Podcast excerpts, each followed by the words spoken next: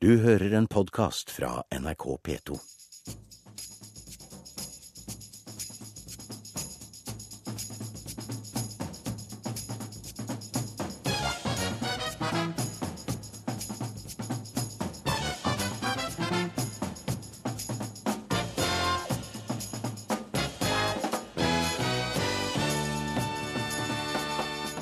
Storbritannia våknet i dag opp til bakrus på mer enn én måte.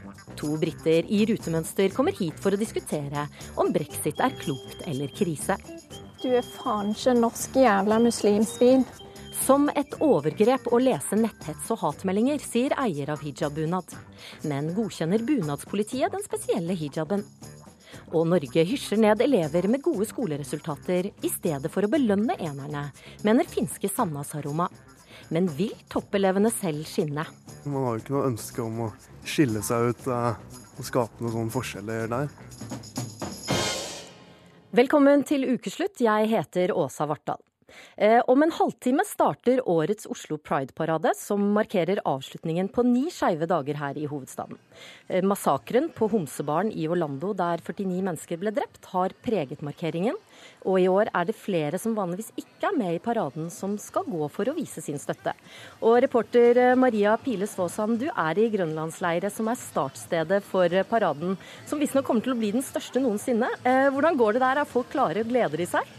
Ja, da ser det i hvert fall sånn ut. Her står de oppstilt bil på bil på bil, og det er så mye regnbuefarger og ballonger og eh, fantastiske kostymer at jeg veit ikke hvor jeg skal snu meg.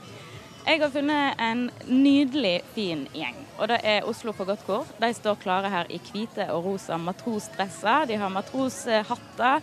De står og danser med regnbuebånd, og produsent i koret, Steinar Svendsen. Er du klar? Jeg er klar. Hvordan, eh, hvordan, blir det å gå eh, ved i paraden i år? Dere skal stå bak på en uh, pynta med rosa den òg, lastebil som skal kjøre dere gjennom, gjennom gatene. Er det, er det, litt spesielt i år etter Orlando-massakren? Ja, det er veldig spesielt. Det er alltid fantastisk å gå i paraden, men det som er spesielt i år, er at vi um, Du føler ekstra sterkt på det samholdet og den festen vi har, og det ved at vi Det med å vise fram eh, viktigheten av å kunne være annerledes og kunne bli, bli, respektert for det. Og ha en stor fest rundt det. Er det mer folk her enn det pleier? Du har vært med flere år? Det ser ut som det er mange flere. Som når vi har vært med i paraden før, så har det vært mange flere eh, Det er mange flere flåter i år, da, ser det ut som. Så det blir veldig gøy. Kjempekult.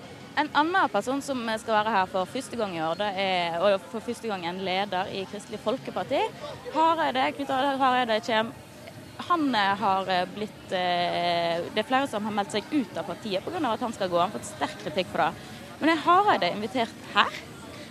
Hareide er hjertelig velkommen til paraden. Alle som støtter det å være annerledes, alle som, om de så har ment noe annet før, hvis de, hvis de, støtter det nå, så er de hjertelig velkommen til oss. For vi vil ha folk som støtter det å være skeiv, det å være annerledes, som sagt. Fordi det finnes ikke noen grunn til å diskriminere det. Um, ja, så lenge man er grei og snill, så kan man gjøre hva man vil, som det heter. Kardemommeloven der, altså. Er det noe mer? Har du en liten siste hilsing? Get this party started on a Saturday night.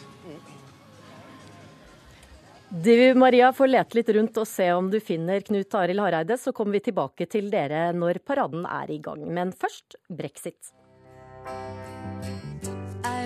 the today, oh.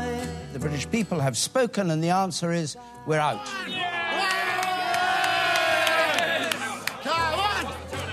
I do not think it would be right for me to try to be the captain that steers our country to its next destination. As a Brit, seeing the pound devalue more than it did in 2008 is quite scary. A victory for decent people.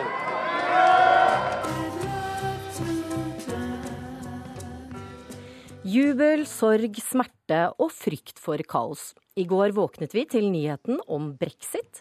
Folket i Storbritannia har talt, flertallet vil ut av EU. Statsminister David Cameron trekker seg, kursen på britiske pund stuper, og børsmeglerne river seg i håret. Men det er også mange som er glade, og korrespondent i London, Espen Aas, det er dagen derpå, og kjenner jeg britene rett, så tok vel mange både brexitere og remainere seg en utvidet fredagspils i går. Eh, hvordan går det med de britiske hodene i dag? Vel, her eh, i London, som jevnt over var for å bli værende, så er det vel en slags tilstand av hva i alle dager var det som traff oss? Hva skjedde? Eh, hva gikk galt? Og hva i alle dager skjer nå? Eh, jeg sitter på en kafé i Sørvest-London hvor kaffen er italiensk. Den er servert av arbeidsinnvandrere fra Øst-Europa, slik det gjerne er i London. Og jeg hører folk snakke på både fransk og vel italiensk her borte, men jeg plukker opp ord som brexit, Cameron, Boris, EU, uansett språk. Mange har nok litt tunge hoder etter å ha fulgt opptellingen gjennom natten til i går, mens andre bare måtte få tømt seg både verbalt uh, og på andre måter i, i, går kveld etter litt av et døgn i britisk uh, historie. Jeg tror de fleste har en slags følelse av blitt uh, kastet opp i luften og ikke ser helt hvor de har landet hen. Eh, eh, britiske aviser er også ganske flinke verbalt. Eh, hvordan ser avisenes forsider ut nå dagen derpå? Det er jo alltid en studie i seg selv. Jeg sitter her med en bunke. På forsiden av The Mirror så spør de So, what the hell happens now? Hva skjer nå? The Sun har et stort Storbritannia drapert i Union Jack som flyr over det europeiske kontinentet. Og så står det med store bokstaver So long, farewell, auf Wiedersehen, adieu hvor bokstavene E og U i adjø er selvsagt fremhevet. Let's make Britain again great again, foreslår The Star, mens The Mail sier take a bow, Britain, med henvisning til den stille majoritet som sørget for et flertall for å få landet ut av EU. Det, det, var jo ganske ampert i går. Er det sånn at de to sidene fortsatt er sinte og kommer til å være så sinte på hverandre at en, en fellesskapsfølelse rundt den omstillingen som ligger foran dem, kan bli vanskelig? Jeg tror ikke den kommer i dag eller i morgen, for å si det sånn. Uh, umiddelbart i går ble det satt i gang en underskriftskampanje for å få en uh, avstemning nummer to. Vel, den har nå nådd én million underskrifter uh, allerede, så helt rolig blir det neppe. Uh, men mange er jo lut lei av å høre om EU, uansett om resultatet ble som det ble, og er vel nærmest desperate om å få noen andre nyheter, noe annet å samle seg eh, om. Og jeg tror mange gleder seg til nå ettermiddag hvor Nord-Irland og Wales skal møte hverandre i fotball-EM, og der er i hvert fall sikret en britisk seier og for så vidt et britisk tap. Og her i Wimbledon, som jeg er, starter nå to uker med tennisfest denne helgen. Så mange håper å heller kunne snakke kanskje om Andy Murray eller andre, og litt mindre om EU. Men det kommer jo selvsagt til å dukke opp snart, i kombinasjon med hvem som skal bli landets neste statsminister. Så hvis de er lei av EU nå, så vel, vel, lykke til med fremtiden. Tusen takk til deg, korrespondent Espen Aas. Vi får håpe at du også får hvilt deg litt snart nå. Og inn her i studio så har jeg nå fått to veldig flotte menn. Ian Donald McIntyre med kilt og David Brook med Truce, som er samme rutestoff som, i samme rutestoff som kilten. Eh, dere er stolte medlemmer av The Caledonian Society i Norge, og dere har bodd her i mange år, men har fortsatt noe av hjertet i Skottland og England. Og Ian Donald McIntyre, du er opprinnelig skotsk. Hva tenkte du da du våknet opp til nyheten om at Storbritannia nå er ute av EU? Ja, okay også. Jeg er veldig glad for at dette programmet heter Ukeslutt og ikke EU-slutt. For jeg tror ikke vi er der ennå, men uh, jeg er veldig bekymret for det. Jeg, jeg, våknet i går med en blanding av skuffelse og oppgitthet. Fordi valget på torsdag består av to veldig enkle spørsmål. Skal Storbritannia komme ut av EU, liv, eller skal de fortsette å være medlem av den nest største politisk og økonomisk blokk i hele verden med de fordeler som den innebærer? Det er Remain. Men hvorfor er det så skuffende? Klarer ikke, klarer ikke Storbritannia seg på egen hånd? Jeg, jeg, er veldig sikker på at skottene skulle gjøre den riktige valg, men jeg er veldig skuffet at, at det resultatet var som, som den er. Det er vanskelig å komme ut og stå helt alene. Hvis du spør Russland eller Nord-Korea hvordan det er å stå helt alene i et globalisert verden som vi, vi, vi har i dag, det er kaldt og det er fattig. Og der skal vi ikke. Vi skal være med. David Brooks, eh, du har eh, skotske aner, men er engelsk. Du har vokst opp i Worcester i, eh, i England. Du mener at Ian her overdramatiserer? Ja, jeg syns det. det de uh, umiddelbart forandring man ser i dag, det er basert mest på sånn skremsel og usikkerhet og slik. Men med tid og stund alt kommer til å ordne seg. Det er ikke noe stort problem i det litt langere løp. Uh, eller lengre løp. Uh, vi har i hvert fall to år på oss etter man setter i gang den artikkel 50 i Lisbon-avtale. Uh, og uh, hvis man forhandler med EUs normal hastighet, så har vi mye lenger enn to år også til å, å, finne ut hva fremtiden er. Men som det er i dag, så, så uh, når, man, når, ting normaliserer seg, så, så er det ikke noe stort problem. Nei, jeg tror ikke det, det vet jeg. Vi får ikke tur. Vi tror, eller eng Engelskmenn i London tror at de har tur. Ja, men, men, det er 27 andre land som, som, som det haster med jeg tror at EU kommer til å overraske oss alle. For å handle veldig, veldig raskt. EU har aldri sluttet å overraske oss, for de, de, de forandrer reglene hele tiden. Um, hvis vi går helt tilbake til starten med, med, med, uh, med uh, de, de felles, felles uh, valuta, så det blir sagt at hvis den går utover en viss grense mot dollar, så avskaffer vi det hele. Så gikk det utover disse grenser. Så de forandret reglene. Og det var EU hele tiden. Så jeg syns det er veldig godt at vi har fått kontroll igjen over våre egen lover, i hvert fall. Um, men Ian, men Ian du, du, jo, da, du, mener jo at nå må, nå må, skottene faktisk ta grep. Nå kan skottene ta en ny kamp om selvstendigheten. Er det, er det så ille? Jeg tror det er så ille. Jeg tror at ingen land kan stå alene i et, i et globalisert verden, og Skottland må ta den grep hvis de vil fortsette i EU uten, uten England. Jeg tror ikke, ikke, det er noe appetitt i Skottland i dag for, for et ny av, avstemning.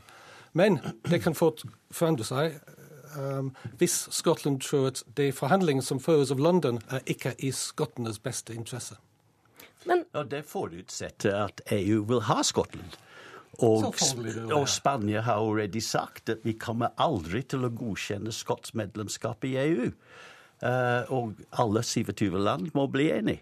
Så jeg vet ikke, uh, hvis du sier uh, ingen kan stå alene, det er litt idiotisk at Skottland å rive seg løs nå og, og stå alene. Du vet at det som EU sier i dag, forandrer de mening på i morgen? Så, Skott, så Spania kan Sp godt forandre sin mening? Spania forandrer ikke sin mening om det, for de er livsredd at uh, det, det, blir en impetus til, til Kastiljen og, og, og, baskene til å rive seg løs for Spania. Så de vil drepe alt med uavhengighet å gjøre før de starter. Men det er mange skotter som er enig med deg. Det er, eh, var 62, det 62 som, eh, som, stemte for å bli eh, i EU. Ja. Men, men, er det sånn at skotter da heller Er hatet mot engelskmennene så sterkt at de heller vil styres fra Brussel enn fra London? Hvordan kan jeg, kan jeg spørre for det spørsmålet? um, det, det, det, kan være litt for det. Men du må også huske at det var over 60 av de 8,5 millioner folk i London som også stemte å, å, å remain. Og de er ikke så heldige som oss. De, de kan ikke løsrive seg. Vi kan. Tenker du det er en god idé? Meg? Ja. Nei, det er en idiotisk idé, egentlig. Um, de, de, de, har ikke noen mulighet å stå alene. Uh, økonomisk, uh, jobbmessig uh, uh Hva skal du gjøre med defense, forsvar? Um, uh, Eng England, nå er det England, som betaler til Skottland eller det er, kanskje det er ikke helt riktig. Det er den, den, den central government i United Kingdom som betaler til Skottland enormt mye penger bare rett og slett for Forsvaret. Skottland har ikke noe eget forsvar. Så de sier OK, fine, men vi er medlem i Nato. Men de, de, kan ikke fortsette i Nato, for de er imot atomiske våpen. Og Nato er absolutt fundamentert uh, basert på atomisk våpen. Så uh, å si at, men, men... Å si at uh, vi vil gjerne ha forsvar, men vi vil ikke ha ditt, uh, ditt uh, muligheter til å forsvare seg. Jo da, England kan fortsatt leie sine baser i Skottland for en, for, for en god sum. Det, det, det, er en veldig god inntekt som vi kommer ikke til, til, til, til, til å se fra. Også eier Skottland 96 av, av olje i Storbritannia. Og yes, oljeprisen er ikke lav, er de veldig lav nå, de men det blir større. De jeg, tror ikke, jeg tror ikke dere blir enige om det her. Men, Nei, hva, med, men hva, med, hva, med, den følelsen deres av å være engelsk og den følelsen av å være skotsk? Har den forsterket seg nå de siste dagene etter dette som har skjedd? Til å være skotsk er veldig forsterket, fordi skottene er fornuftige folk og har tatt en viktig valg. Ja, det, det er emosjonelt.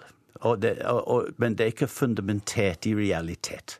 Så hvis vi skal bare Jeg mener, gud, jeg mener, man, man, man, man, har veldig mange emosjonelle reaksjoner til mye som skjer i verden. Men man må en gang iblant sette seg ned og se realiteten i øynene og si at det ville vært hyggelig, men det går ikke. Og, og, og, det er akkurat det som var situasjonen nå. Skottland har ikke en mulighet til å stå alene. De, de, de, de, bruker mye mer i utgifter enn de får i inntekter.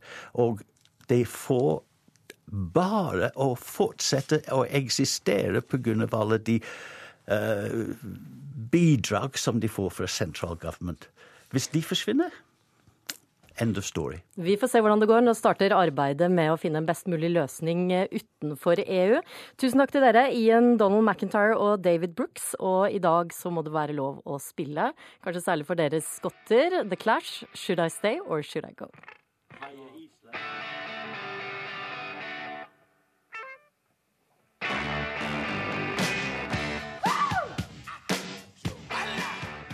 Dette har vært uken for skoleavslutninger og utdeling av vitnemål. Noen har kanskje så vidt kommet seg gjennom eller strøket, mens andre har gått hjem med karakterkortet fullt av seksere, uten at de nødvendigvis har blitt hedret noe ekstra av den grunn. Suksess er tabu i norsk skole. Vi hysjer ned enerne. Det skriver finske Sanna Saroma i en kronikk i VG denne uken. Og vi skal straks høre med henne hvorfor hun mener det. Men først. Reporter Linn Beate Gabrielsen møtte fire elever fra superklassen på Nadderud videregående i Bærum, som nesten bare fikk skinnende seksere på vitnemålet. Ja, eh, jeg heter Daniel Agayani. Fikk 23 av 25 seksere heter Petter. Fikk 17 av 24. Anders. Fikk 22 av 25. Jørgen. 19 av 27 seksere.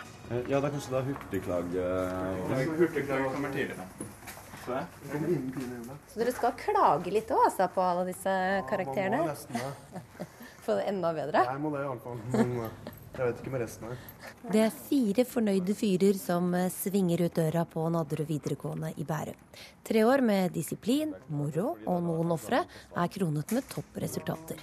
Aller først lurer jeg på hvordan det er å være eh, blant de aller eh, beste. det, er, eh, det er veldig morsomt. Det er gøy å få å ha arbeida så hardt og endelig få uttelling for det. og sånt.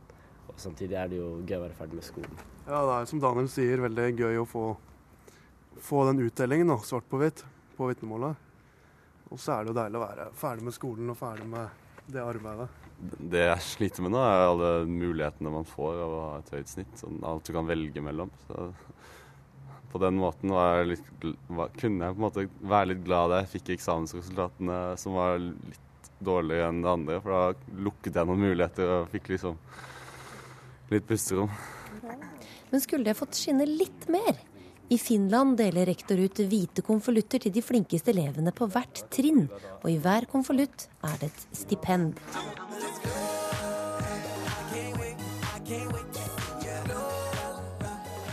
Hva hadde du følt hvis du ble kalt opp på scenen til rektor og hadde gitt deg en konvolutt med en, eh, stipend i? Jo, det har sikkert kommet godt med det, men eh, jeg har ikke noe ønske egentlig om å få den opphøydheten. da. Jeg tenker jo at det er gøy. Alle vet egentlig at du er flink. Jeg føler ikke noe behov for å ha noe mer enn det. Hvor går grensen?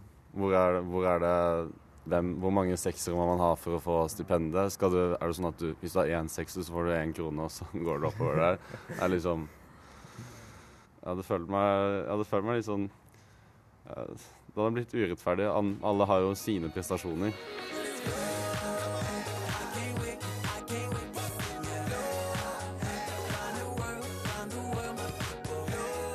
Um, altså, Rent stipendmessig så er jo det, kan jo det virke motiverende og sånn. Det er jo spesielt Det er ofte ganske rimelig dyrt å studere på bedre universiteter i utlandet, sånn type i um, Storbritannia eller i USA. Det er veldig mye potensial som uh, kanskje blir ubrukt fordi folk er lite motivert. Jeg vet ikke om eh, det burde være et stipend eller et eller annet som kunne motivert folk til å kanskje jobbe mot et mål. Men eh, hva har dere måttet uh, ofre da, eh, i løpet av disse åra for å få så bra snitt? Søvn. Ofre? Da har jeg egentlig et ganske klart svar, og det er eh, mamma og pappa som ber meg om å gjøre ting hjemme. Som på en måte har vært sånn Nei, jeg må øve til den prøven, og da Hva skal mamma og pappa si da? Du vinner da. Skole er en god unnskyldning.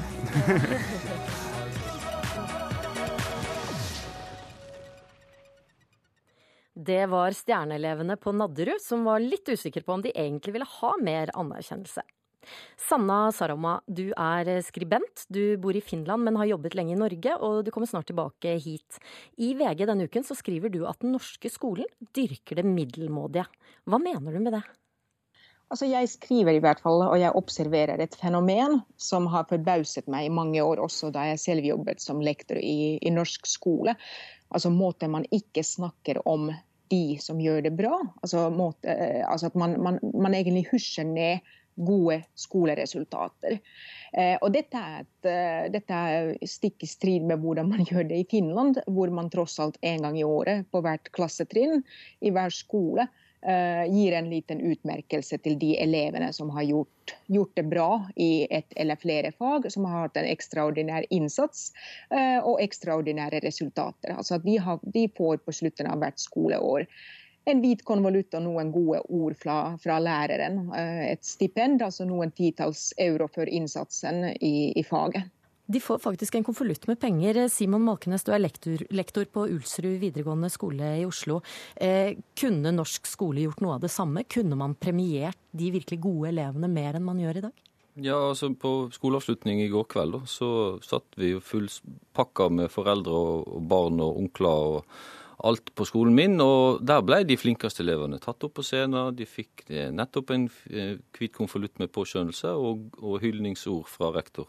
Så det ikke helt, stemmer jo ikke helt at vi ikke driver og deler konvolutter her i, i, Norge heller. Men det er ikke konvolutt med penger, det er, en, det er, en, heder helt på slutten. Men gjennom skoleløpet er man god nok til å si at disse elevene er ekstra gode, de skal få skinne litt ekstra?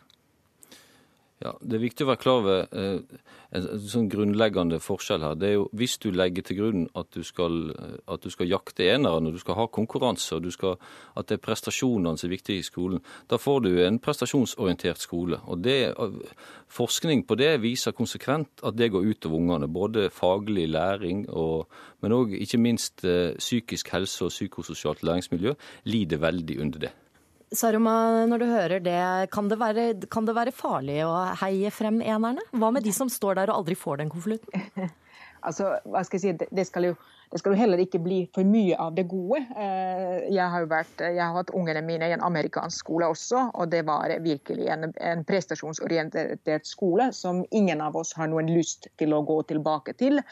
Men, men, når det er sagt, så er det jo, her er det også geografiske variasjoner innad i Norge. altså at um, Simon snakker om Oslo-skolen, og der er det antakeligvis mer politisk korrekt. altså Det er mer, mer, tillatt at man inviterer de flinkeste opp på scenen. altså Jeg bruker i kronikken min eksempler fra Lillehammer videregående skole, hvor rektoren fortalte at nei, at vi har jo aldri gitt noen utmerkelse til de flinkeste, men den personen, den eleven som har hatt null fravær i løpet av de tre årene, den personen får da en utmerkelse. Og Det er litt sånn passe intetsigende. altså at, at det er liksom trygt og godt å gi en utmerkelse til den som ikke har vært borte fra skolen. Men hvorfor hadde det vært bedre å gi det til, til de som hadde prestert bra? Altså, det er litt, litt, for å kunne vise at det er OK å gjøre bra. Altså at, at, at, at, det ikke bare er OK, men at det er faktisk kjempebra at dere gjør det bra. Altså litt, um, altså litt den kulturen vi har i idretten, eller, eller sånn som jeg nevner i kronikken. Altså at, det er fullstendig stuerent at det er elitesamlinger i idrett, at det er, det er musikktalenter. Men, men, det er liksom disse her som gjør det bra på skolen, spesielt i teoretiske fag, de skal liksom husjes ned. Dette tør vi ikke å snakke om. Og jeg har liksom tenkt at er det fordi man er så redd for at de som ikke får den hvite konvolutten, de som ikke blir nevnt, at de blir så lei seg, altså de, eller så fulle av misunnelse, at derfor velger man heller at, at vi ikke snakker om de, de flinkeste. Malkenes, kan det stemme? Kan det at alle skal være med, ha gått på bekostning av at noen burde ha fått skinne enda mer? Altså Det er jo en utrolig overforenkling å, å tro at det handler om at noen blir lei seg som ikke konvolutt, selv om det illustrerer poenget.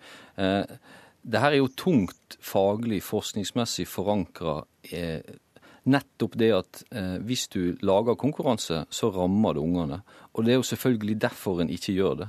I Oslo er det litt spesielt, fordi at der har en mer konkurranse- og prestasjonsorientert skole enn i resten av landet. Eh, og, og, og det, det lager konkurransejag, og det går utover ungenes psykiske helse. Det er det ingen tvil om. Altså, jeg har aldri sett i finsk offentlighet en lærer eller en forelder ta til orde for at man skulle forby denne typen belønning. Eh, så man lager, Dette er ikke med på å skape konkurranse som på noen måte går på bekostning av ungenes psykiske helse. Og det er klart, altså at, at, eh, Jeg sier jo vel det også i kronikken, altså dette er egentlig en bitte liten ting, dette er en symbolsak. Eh, men likevel, jeg syns det er et viktig symbol at kan vi ikke en gang i året på hvert klassetrinn, i hver klasse, kan vi ikke gi litt heder og ros til de som har hatt en ekstraordinær innsats i teoretiske fag, i skolefag, men gjerne også, hvorfor ikke i kunst, musikk, eh, i praktisk-estetiske fag. Så du altså, mener at alle skal få konvolutter? Nei, nei, absolutt ikke. Absolutt ikke. Altså, er, uh, noen skal få konvolutter, uh, men, men, det er jo opp til læreren å bestemme og vise litt det mangfoldet. Altså F.eks. i 4B, som jeg skriver om i kronikken, så fikk Ellie konvolutt i matematikk. Noen fine ord fra læreren fordi hun hadde hatt mest framgang, mest innsats i matematikk i, løpet av fjerde klasse. Så var det en annen elev som fikk en konvolutt i kunst fordi hun hadde en unik strek i kunst. Og så var det en tredje elev, en gutt, som fikk Eh, fikk et stipend for å være en god venn og en hensynsfull medelev for de andre. Hvis du lager konkurranse blant unger, så rammer det læringa til ungene og psykisk helse. Det kan, ikke, det kan ikke vi gjøre i skolen, for det, det er ikke det skolen er til for. Uh, Men tenker man ikke da mer på de som står og ikke får konvolutten, enn de som faktisk har jobbet for å få den konvolutten? Alle barn i skolen er akkurat like viktig, og vi skal tenke på alle like masse. Og Det, det er derfor norsk skole kalles det enhetsskolen, som uh, min motpart her ikke liker så godt. Eh, å sette i gang og konkurrere eh, enda mer enn en f.eks. gjør i Oslo, eh, gir enda verre konsekvenser. Og Det gir òg verre resultat, hvis det er det du er opptatt av. Så lærer ungene mindre av å konkurrere med hverandre om læring. De kan gjerne konkurrere i en fotballkamp i, i gymtimen, det er noe helt annet. Men skole er altså ikke idrett, skole ikke konkurranse, skole ikke prestasjon. Skole er læring. Det er veldig komplekst, innvikla, tar lang tid, og det er noe en gjør sammen altså alle barna er like viktige. Og dette, denne praksisen med å gi en utmerkelse til de som har hatt en ekstraordinær innsats i løpet av skoleåret, det er på ingen måte i strid mot at alle barna er viktige. Og jeg vil jo også si at uh, at man har en, et mangfold når det gjelder hvor, i hvilke fag eller i hva slags områder disse stipendene deles ut. Så man viser også med det mangfoldet at ulike talenter, ulike anlegg og ulik innsats i ulike ting er viktig. Nå er det iallfall sommerferie for hele mangfoldet av elever. Takk til dere, Simon Måkenes og Sanna Saroma. Vi skal høre Nils Noah, Vinni og Sølvguttene med Fade Away. I'm falling slowly, I'm falling up from the ground.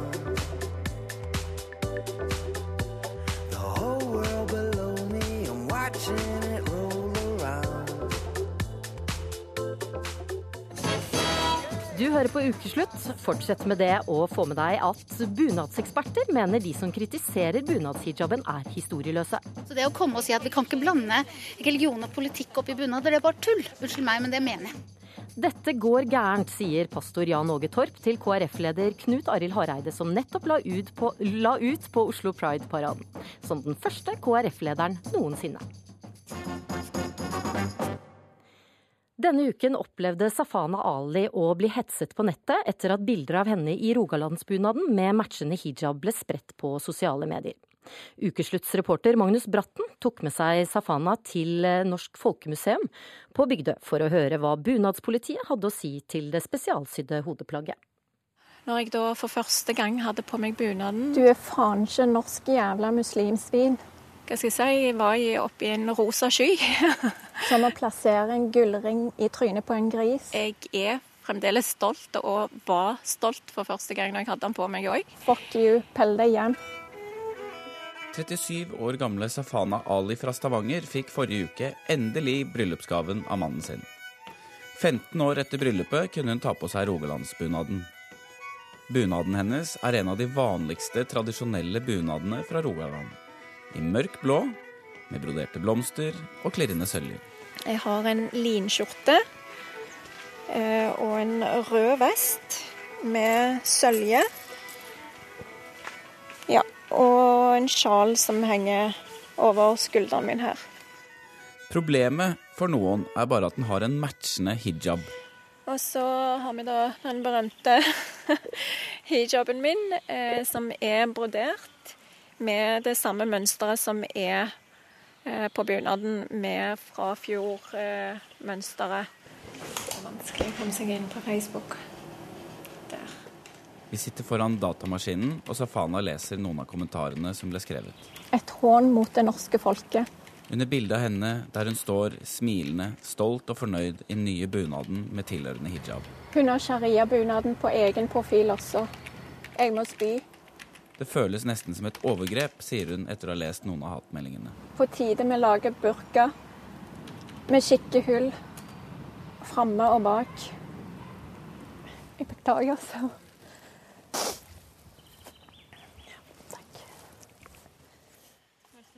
Som et sånn overgrep. sånn Det som jeg måtte gjøre nå, det var skikkelig ille. Uh, det, var, det var tungt. Kjente det langt ned i magen. Jeg kjenner at det, er, at det er helt feil. Det er ikke det jeg står for. Eh, det, de meldingene som de menneskene har skrevet, beskriver ikke meg eller det hodeplagget jeg bruker. Så, så, så, sånn at jeg da leser det høyt opp, så kjennes det at det er helt galt. Så, så derfor så ble det veldig følelsesmessig uh, lada av det, da, for å si det sånn. At jeg, at jeg blir uh, skikkelig lei meg. Mm. Hetsen ble så ille at butikken der hun fikk sydd bunaden sin, har blitt truet med boikott og måtte fjerne bildet av Safana i bryllupsgaven. Og selv har Safana anmeldt hetserne. Altså, Vi hadde jo forventa å få noen reaksjoner, ja. Men ikke i den grad at det skulle være så negative og så hatefulle og rasistiske meldinger som dette, da. Det hadde jo ikke vi forventa. Men at eh, kanskje bunadspolitiet hadde påpekt noe, eller eh, noe sånt noe. Men utover det så hadde verken meg eller min mann forutså at dette ville skje. Men hvor feil er det egentlig med hijab til bunad? Vi tar Safana med oss til Folkemuseet på Bygdøy for å sjekke med bunadpolitiet. Den er veldig fin, da. Jo, han er det. Jeg er utrolig stolt av å ha den på meg, altså. Jeg kjenner det. Jeg blir ut utrolig glad. I den nye bunaden glir hun rett inn i omgivelsene iblant gamle stabbur, stavkirker og laftehus. Jeg går tilbake i tid, og jeg, sånn sett så glir jeg jo rett inn i omgivelsene her med bunaden og hijaben min.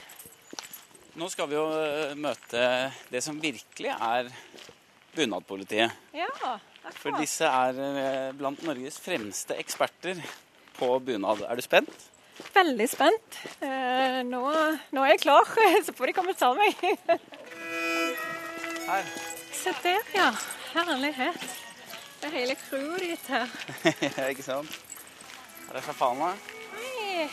Jeg kommer på deg, Jan, vet du. Hei, hei, hei, Safana. Jeg må jo si at når vi ser deg, når vi som jeg går på det, når vi står der, vi som kjenner historier og sånn, vi for oss er det jo ikke fremmed. Vi er jo vant til å se fotografi og se varianter av bunaddrag som er kopier av gamle, med ulike typer skaut, med ulike typer hetter. Og det er jo en veldig stor variasjon i måten det er satt opp på og knytt i det norske materialet også. Camilla Rossing leder Institutt for bunad og folkedrakt i Valdres. Hun sier skautet og hijaben har samme opphav. Så det er nok ikke så fremmed med en hijab til bunad, selv om hun kan forstå at noen reagerer. Vi syns jo i utgangspunktet at man ikke skal tilføre bunaden altfor mange nye former for plagg. Men nå er det jo sånn at hvis man ser um, dette i et historisk lys, så er ikke bruken av hijab til bunad så radikalt. Uh, for vi ser jo det, at det å dekke håret for, uh, for en gifte kvinne var vanlig også i Norge, langt opp i moderne tid. Kari Anne Pedersen er konservator på Folkemuseet på Bygdøy og mener det er historieløst å la seg provosere av hodeplagg til norske bunader. De første som brukte bunader tidlig på 1900-tallet, det var et veldig sterkt politisk uh, uttrykk. Og det sies at folk ble spyttet etter når de gikk på gata i bunad. Så det å komme og si at vi kan ikke blande religion og politikk opp i bunader, det er bare tull. Unnskyld meg, men det mener jeg. Hva tenker du om det etter, etter alt det bråket? At det har samme opprinnelse? Så Nei, da skjønner jeg heller ikke hvorfor vi trenger dette bråket. Dette bråket, Min oppfattelse av det bråket er at dette er mennesker som er veldig historieløse, som kan komme med sånne uttalelser. Det har jo noe med det at eh, bunaden for nordmenn har enormt stor verdi. Eh, og det handler ikke nødvendigvis om historie, pussig nok, men det handler om familien. Det handler om alle de konfirmasjonene og bryllupene og dåpene som har vært i den familien. Men det går kanskje heller mer på det hvem som har det på seg, da. Eh, jeg tenker Hvis det er folk som har bunad på hundene sine, og at det er greit, men eh, at jeg har på meg bunad, da er det iallfall ikke greit. Så da tenker jeg, da jeg tenkte at ja, da har det egentlig gjerne ikke med hodeplagg eh, å gjøre, men det er igjen, som jeg sa innledningsvis òg, at det er mer eller mindre at jeg er muslim. Du som sånn smilet smiler når du gret. Og at du alltid spør meg hvorfor meto hele tatt finnes til. Det var Daniel Kvammen med 'Du fortjener ein som meg'. Vi skal tilbake til Oslo sentrum, der eh, Pride-paraden nettopp har startet. Og reporter Maria Pile Saasand, har du funnet Knut Arild Hareide? Jeg har funnet Knut Arild Hareide. Han står bak familienettverket sin banner, ganske langt fram i paraden. Og Knut Arild, hva syns du om det du ser her?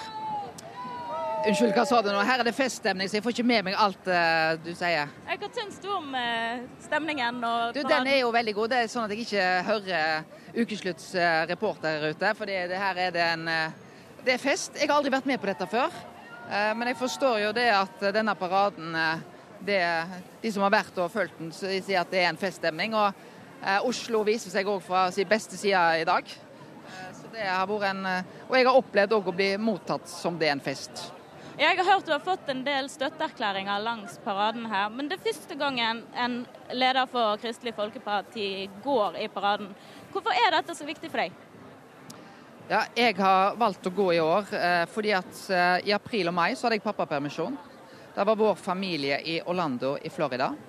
Vi kjente på en fantastisk tid, og vi kjente oss trygge og frie. Og Så går det noen dager og uker etter vi kommer hjem, så blir mennesker drept kun fordi de er lesbiske og homofile akkurat på den samme plassen. Og Da er det viktig for meg, og jeg trodde faktisk ikke det var nødvendig i 2016, å være med og vise en støtte og en solidaritetsaksjon. Og si at all hatkriminalitet, vold og diskriminering av homofile, det må vi stå opp mot òg i 2016. Det er ikke alle i partiet og utenom òg som støtter denne avgjørelsen. Det er folk som har meldt seg ut pga. det du gjør nå. Splitter du ditt eget parti nå? Jeg har òg fått med meg at det har vært delte meninger. Det må være lov til å ha delte meninger om det. Men jeg opplever blant de som har forstått hvorfor jeg velger å gå, så opplever jeg en veldig stor støtte. Og det er jo sånn at KrF og homobevegelsen er ikke enige i alle spørsmål.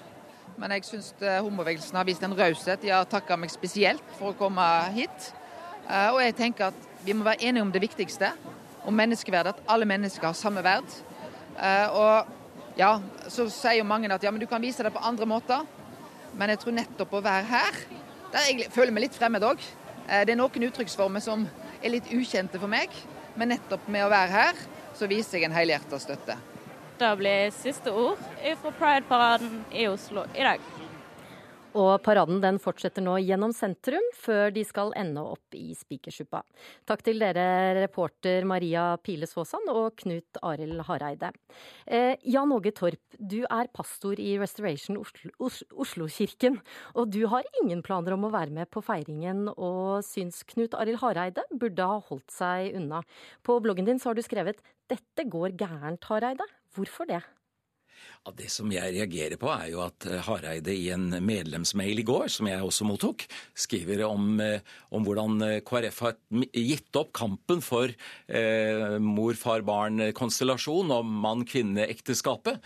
Og så stiller han likevel 100 opp eh, som en symbolsk handling for å vise solidaritet i en helt annen sak, nemlig Orlando-skytingen, som vi alle sammen tar avstand fra. Og Dette syns jeg gir veldig utydelige signaler, og jeg tror at langt inn i KrF, inn i stortingsgruppen sågar, er det uro over det som Hareide gjør. Men kan han ikke være med i paraden uten samtidig å omfavne alt det eh, homobevegelsen står for? Det som er eh, spesielt, er jo at han har flagget at han skal være med. ikke sant? Og det gjør det hele veldig annerledes. Og vi vet veldig godt at Pride-festivalen har vært et flaggskip gjennom alle år for nettopp en agenda, en omdefinering av ekteskap, av familie, av eh, mor-far-barn-relasjon. Og det er jo en sak som eh, KrF her er i ferd med å begynne å glippe på. De glapp først på abortsaken, den ga de opp, og nå skal de gi opp denne saken også. Og det syns jeg ikke jeg som KrF-medlem medlem eh, ønsker å være med på. Gard Sandaker Nilsen, du er leder for Oslo bispedømmeråd eh, for Åpen folkekirke. Arbeiderpartipolitiker er du også. Eh, dere i bispedømmerådet har oppfordret menigheter til å engasjere seg under årets pride. Hvor viktig er det for dere at KRF, en KrF-leder for første gang er med i denne paraden? Det er klart det er jo et viktig, viktig symbol at også lederen i KrF nå blir med i paraden og viser at at LHBT ikke skal forfulles, ikke skal kjeppjages, men faktisk eh, har en likeverdig plass i samfunnet. Og det, det, er viktig, og det er jo derfor Kirken, Oslo bispeområd, har oppfordra menigheter til å vise at Kirken også er til stede der. Og det er fordi at vi mener det er helt naturlig at Kirken er til stede der folk er. Og LHBT har blitt virkelig skyvet ut av Kirken i altfor lang tid har en veldig stygg historie. Eh, og det at nå også eh, KrF, som noen av de siste som, eh, som har kjempa mot likekjønna ekteskap, og at, at, det er likeverdighet, at han også gjør dette, det synes jo jeg er viktig. Og, og det Kirken, som norske kirke, er jo ikke lenger imot likekjønna vigsel. Jeg mener at homofile og lesbiske skal få de samme rettighetene som alle andre.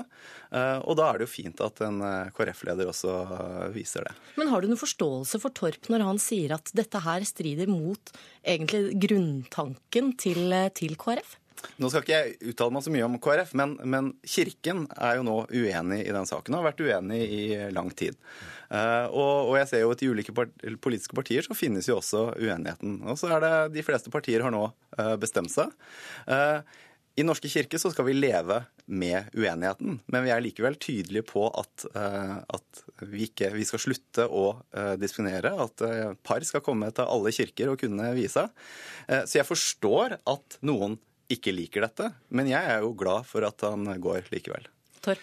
Eh, altså Det som Gard Nilsen eh, sier, er eh, veldig, eh, veldig klokt sagt. For nå er han blitt leder for hele bispedømmerådet. Så det, det, er ikke noe behov for, for LHBT-organisasjoner eh, å få drahjelp av kristne ledere nå, fordi de har overtatt kirka.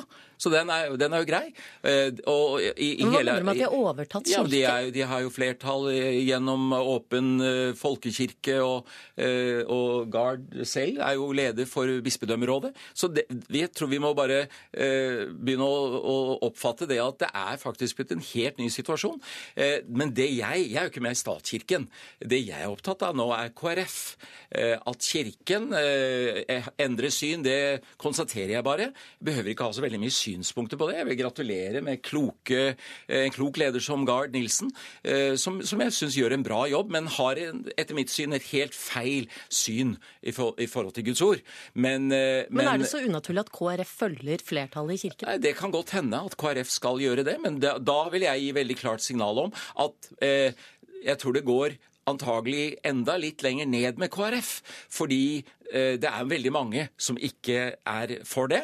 Og KrF har jo nettopp profilert seg på et tydelig standpunkt i denne saken her, og, og lignende saker. Og når de går bort ifra det, og i, i hva Gard Nilsen sier her, så er det tydelig at det er ikke bare en solidaritet med, med, grunn av Orlando, men det er en videre eh, agenda bak at eh, du eh, gleder deg over at eh, Hareide er med på Pride-festivalen i dag. Og det det, det, er det som en del av oss har konstatert en god stund, at det er det som egentlig er det Dette er ikke om Orlando. Men, det, men Hareide sier jo at KrF fortsatt kommer til å ha i programmet at ekteskapet mellom mann og kvinne er den mest stabile, stabile rammen rundt barns oppvekst. Trenger det å være noen motsetning mellom å mene det og anerkjenne andre samlivsformer? Ja, altså Å anerkjenne og det å, å, godta at det er eh, blitt lov, og det er, det er noe vi alle sammen tar ad notam.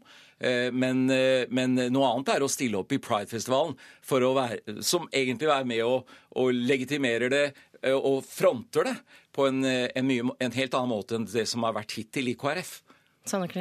Ja, nå, uh, Han kommenterer også Den norske kirke og at nå homoene har tatt over kirka. og Eh, Åpen kirkegruppe har jobba i mange år, i 40 år, med å synliggjøre eh, LHBT i hele kirken. Og Da snakker vi økumenisk bevegelse i hele kirken.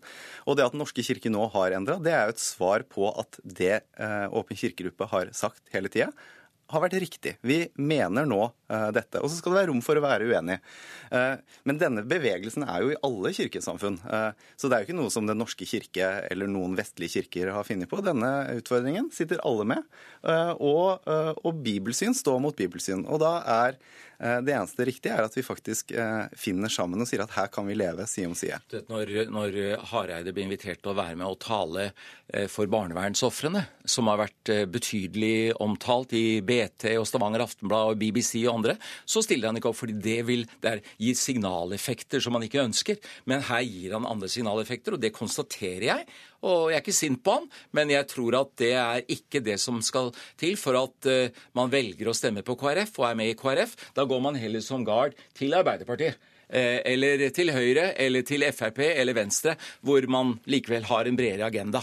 Men det finnes, jo, men det finnes jo uh, LHBT i KrF som har kjempa denne eh, kampen i mange år. Så, så, det å si at dette finnes ikke i KrF, det blir jo også feil. Her er det mennesker som, eh, som tror da på, på KrF-ideologien og ønsker å være med og bidra, og at de også får støtte fra lederen, det syns jo jeg er fint. Helt til slutt, Torp. Det er, en, det er flere KrF-ere som har meldt seg ut de siste dagene. Ikke mange, men en håndfull, sier KrF. Eh, vurderer du å melde deg ut av KrF?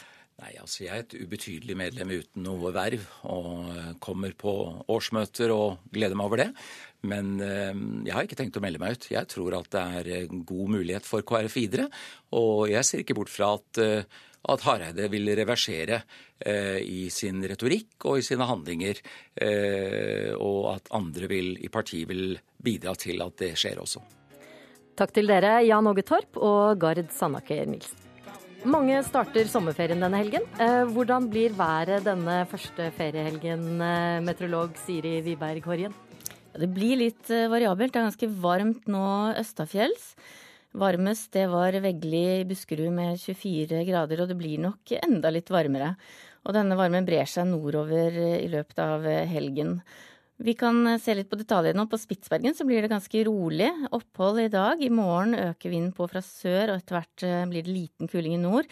Og da kommer det inn litt regn av og til, og det er vesentlig i de nordlige områdene. Så kan det også bli lokal tåke.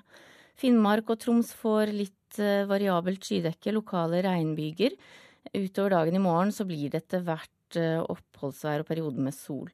Og i Nordland også noen byger i dag nord for Salten, ellers ganske pent vær. Og i morgen blir det sommer og sol og fine temperaturer. Trøndelag og Møre og Romsdal, her øker vinden på til nordøstlig frisk bris eh, på kysten, og det blir litt lettere skydekke utover ettermiddagen og etter hvert oppholdsvær, stort sett pent i Nord-Trøndelag. Men i morgen da skyr det til igjen ifra sør, men før skyene kommer, så blir det ganske varmt. Og så dukker det opp byger om ettermiddagen, og det kan være torden i disse bygene. Sør for Stad og Dovre så er det enkelte lokale byger i nord i dag, ellers opphold og en del sol. Men eh, i løpet av ettermiddagen skyer det til eh, fra sørøst, og det kommer inn skikkelig uvær i morgen med regn og regnbyger og torden og mye nedbør. Det var ukeslutt. På P2 er det nå premiere på en ny sesong av Radiomat, der Pia Skjevik og Andreas Viestad undersøker hvordan mat har vært med på å forandre verdenshistorien. Ansvarlig for denne sendingen var Torkil Thorsvik. Teknisk ansvarlig Hanne Lunås. Jeg heter Åsa Vartdal. Ha en god helg.